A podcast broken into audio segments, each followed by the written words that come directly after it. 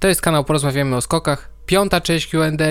Jak się okazało, zdecydowanie nie ostatnia, ale jest na tyle dużo pytań, czy tyle dużo zostało przerobione, że te spod podsumowanie sezonu zostaną dzisiaj skasowane, więc przechodzę od razu do tematu. Co uważam o polskich kibicach i ich stosunku do innych zawodników, czy raczej innych nacji? Ogólnie rzecz biorąc, ze względu na to, że jednak społeczność Polski, jeśli chodzi o skoki narciarskie, jest no bardzo żywo zainteresowana. Może to nie są czasem małe szamani mimo wszystko, ale przez to, że jest to momentami przynajmniej wciąż kilka milionów ludzi oglądających podczas TCS-u skoki intensywnie, no to mamy bardzo szerokie spektrum i też chciałbym oddzielić kibiców skoków narciarskich od kibiców reprezentacji Polski.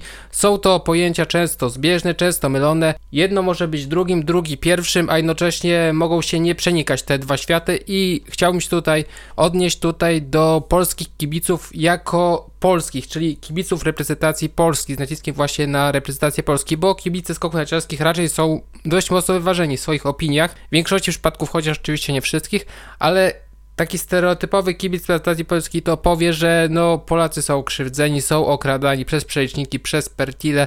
Jeszcze przy okazji jakby standardowy punkt, że Pertile niszczy skoki narciarskie, że Sedlak no to jest winny wszelkiemu złu wcale nie wiatr, tylko on jakby można powiedzieć steruje tym wiatrem i przelicznikami, że to jak został obsmarowany Horngacher w mediach podczas tych butów, afery butowej, jeśli chodzi o Wingen rok temu, to jest dla mnie majstersztyk, jak zrobiono z Horngachera po prostu złego człowieka, zdrajcę, który śmiał powiedzieć, że Polacy używają niezgłoszonego sprzętu podczas zawodów Pucharu Świata.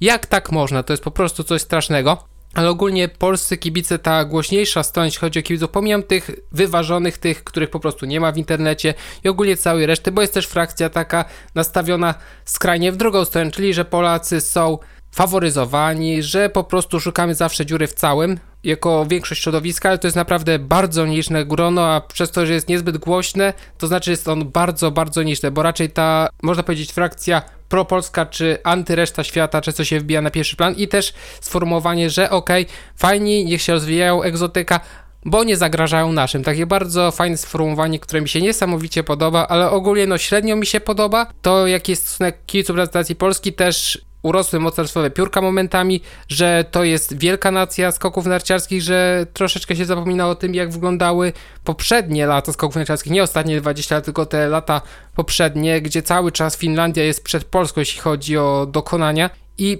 z jednej strony nie do końca mi się to podoba, a z drugiej strony to całkowicie rozumiem i to do nich jest skierowany ten produkt. Nie do ludzi, którzy siedzą w skokach narciarskich tak jak ja, tak jak większość z Was pewnie, tylko właśnie do nich i do nich trzeba trafić, jeżeli chcemy rozwijać dyscyplinę jako produkt medialny. Nie do nas i większość zmian, które dla nas są ogólnie wydają się być dziwne, wręcz mogą zaltewać herezją, tak jak zmniejszenie limitów, przecież większość w ogóle o tym nie będzie miała pojęcia.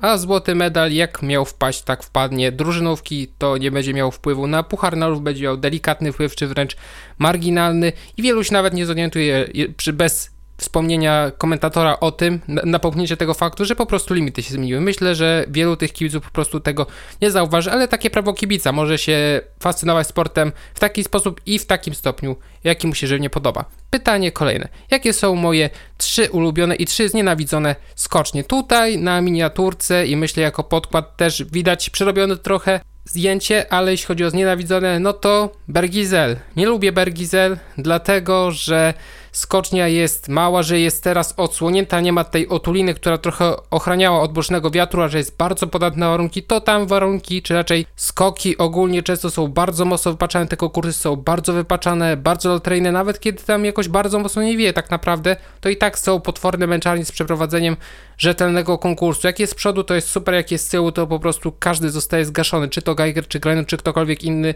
nawet Kubacki momentami może być zgaszony, jeżeli nie jest w stanie po prostu złapać troszeczkę chociaż wiatru z przodu, a jest pół metra z tyłu, to w zasadzie nie ma często co zbierać. I poza tym zeskok często bardzo źle przygotowany, momentami to była po prostu katastrofa, to był kryminał. I odnośnie drugiej skoczni to często można powiedzieć to samo. Do tego jeśli chodzi o rozmiar skoczni i odległość do punktu K jest niewielka różnica i dlatego też te skoki, czy raczej konkursy słabo wyglądają, bo raczej się celuje w tak, żeby do rozmiaru skoczni był przeprowadzony konkurs, a tutaj ten punkt K jest relatywnie blisko, w zasadzie niemal tak blisko jak w Kłopio i tutaj naprawdę te konkursy często są męczące, że tam nie ma 15-17 metrów pomiędzy punktem K a rozmiar skoczni tylko w tym momencie 8. I często te skoki po 115 metrów wyraźnie przed punktem kanu bardziej kują w oczy niż 125 metrów na punkcie konstrukcyjnym, kiedy skocznia jest HS 142 albo 140. Kolejna skocznia, której nie lubię, Wisła Malinka. I ogólnie chodzi o to, że często jest też średnio przygotowana, że jest momentami na siłę,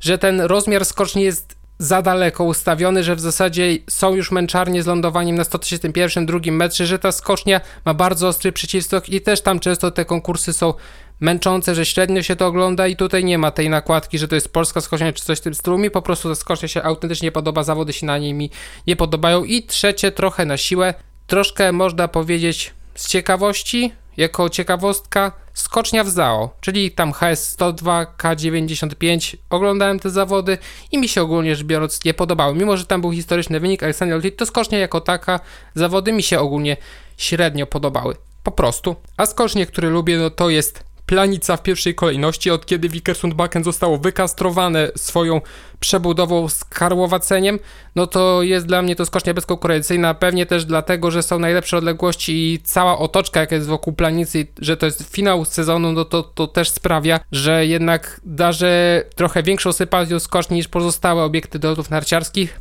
Lubię Rukę, Ruka Tunturi. Od kiedy dodano więcej siadek przeciwwietrznych w okolicach progu kilka lat temu, ta skocznia naprawdę stała się dużo bardziej przejrzysta, czyli rywalizacja na niej się dużo bardziej przejrzysta, jest to skocznia charakterystyczna, troszeczkę różniąca się od innych dużych obiektów, no i też tam można spokojnie skakać za 150 metrów, co zobaczyliśmy chociażby w tym sezonie. I do tego jeszcze Bischofshofen, zwiększenie turnieju czterech skoczni też cała oprawa jest super, a do tego to też jest kosz naprawdę charakterystyczny, z tym naprawdę długim najazdem, kiedyś był jeszcze, jeszcze dużo, dużo dłuższy i tak jest teraz bardzo długi, ale to jest kolejna skocznia, która jest faktycznie charakterystyczna, inna niż inne, można użyć takiego pleonazmu do pewnego stopnia. Pytanie kolejne. Czy był jakiś według mnie najbardziej absurdalny konkurs? Jeżeli ktoś z Was nie słucha troszeczkę dłużej, no to myślę, że wie o którym konkursie powiem. Konkurs indywidualny Mistrzostwa Świata 2019 Zefeld. To był po prostu kryminał. Ja po prostu zanosiłem się demonicznym śmiechem wtedy i wtedy przy okazji przyszło mi do głowy po raz pierwszy, żeby założyć kanał. Jeździło się to dopiero jakiś czas później, prawie rok później, ale w tym momencie po prostu to był dla mnie demoniczny śmiech, jak ja zobaczyłem w pierwszej serii, że wszystko jest wypaczone, takie komentarze w internecie, co jeszcze mnie trochę dobiło mój stosunek, jeśli chodzi o kibiców reprezentacji Polski siedzących przy skokach narciarskich, no bo hańba, wszyscy, won, w ogóle wszyscy winni, Hover winny wszystkich zwolnić i ci sami ludzie kilkadziesiąt minut później, po tym jak druga seria była przeprowadzona w jeszcze bardziej skandalicznych warunkach, to co się stało z prędkościami najazdowymi dla czołowej dziesiątki, czołowej piętnastki, to jest po prostu skandal totalny, że tak została zmasakrowana najważniejsza impreza sezonu. To jest po prostu dla mnie coś, za co można naprawdę z czystym sumieniem wieszać psy na organizatorach i to tak naprawdę w całej rozciągłości.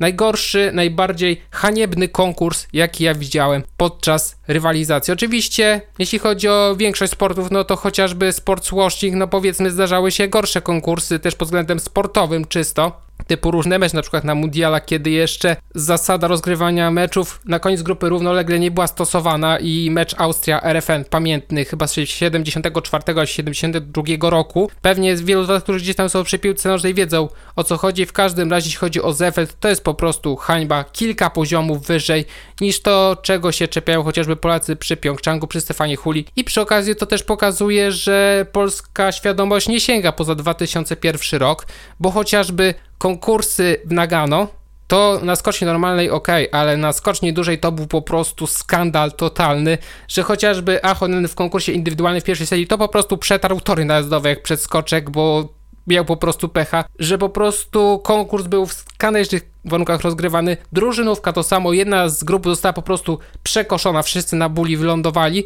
Zmienne warunki, no ale mało kto tak naprawdę o tym w tym momencie pamięta, no bo wtedy Polacy byli tłem, po prostu szeroko pojętym tłem dla nawet szerokiej czołówki. Może Tomasz Pochwała, czy też Wojciech Skupień bardziej się spisał wtedy bardzo dobrze na dużej skoczni, ale to też było pokłosie tego, co działo się w powietrzu.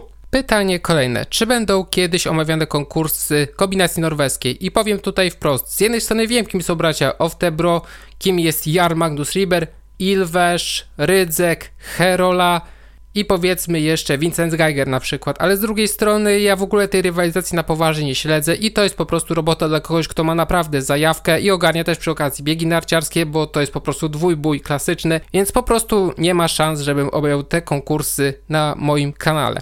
Dalej, jakie były grafiki telewizyjne? I tutaj pójdę na łatwiznę, bo jest to opracowane na YouTubie.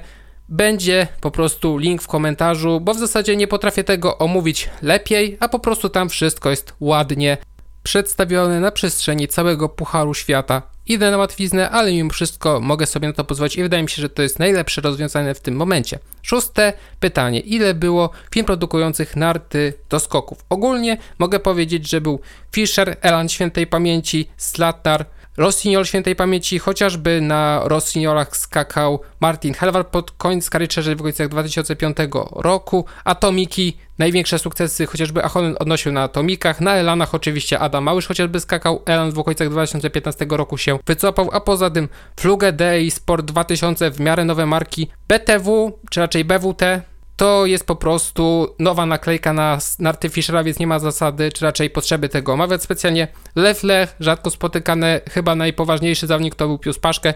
Jeszcze Sporten, czyli czeski producent innych nart, ale też były skoki narciarskie i szczerze mówiąc przed sprawdzeniem materiałów nie wiedziałem, że te narty są i kiedy. Dopiero zobaczyłem u Julii Kykkanen, kiedyś na takich nartach skakała, to wtedy dopiero zobaczyłem i rzeczywiście nie znałem tego loga, po prostu jeśli chodzi o skoki narciarskie, ale to jest raczej ciekawostka, bo naprawdę te narty były bardzo rzadko spotykane, jeśli chodzi o też naprawdę topowy poziom rywalizacji, no bo jednak Kekkanen w pewnym momencie była zawodniczką szeroko pojętej czołówki. W końcu była w czołowej 10 klasyfikacji generalnej Pucharu Świata. I ostatnie pytanie, dlaczego czasem słychać jakbym ziewał?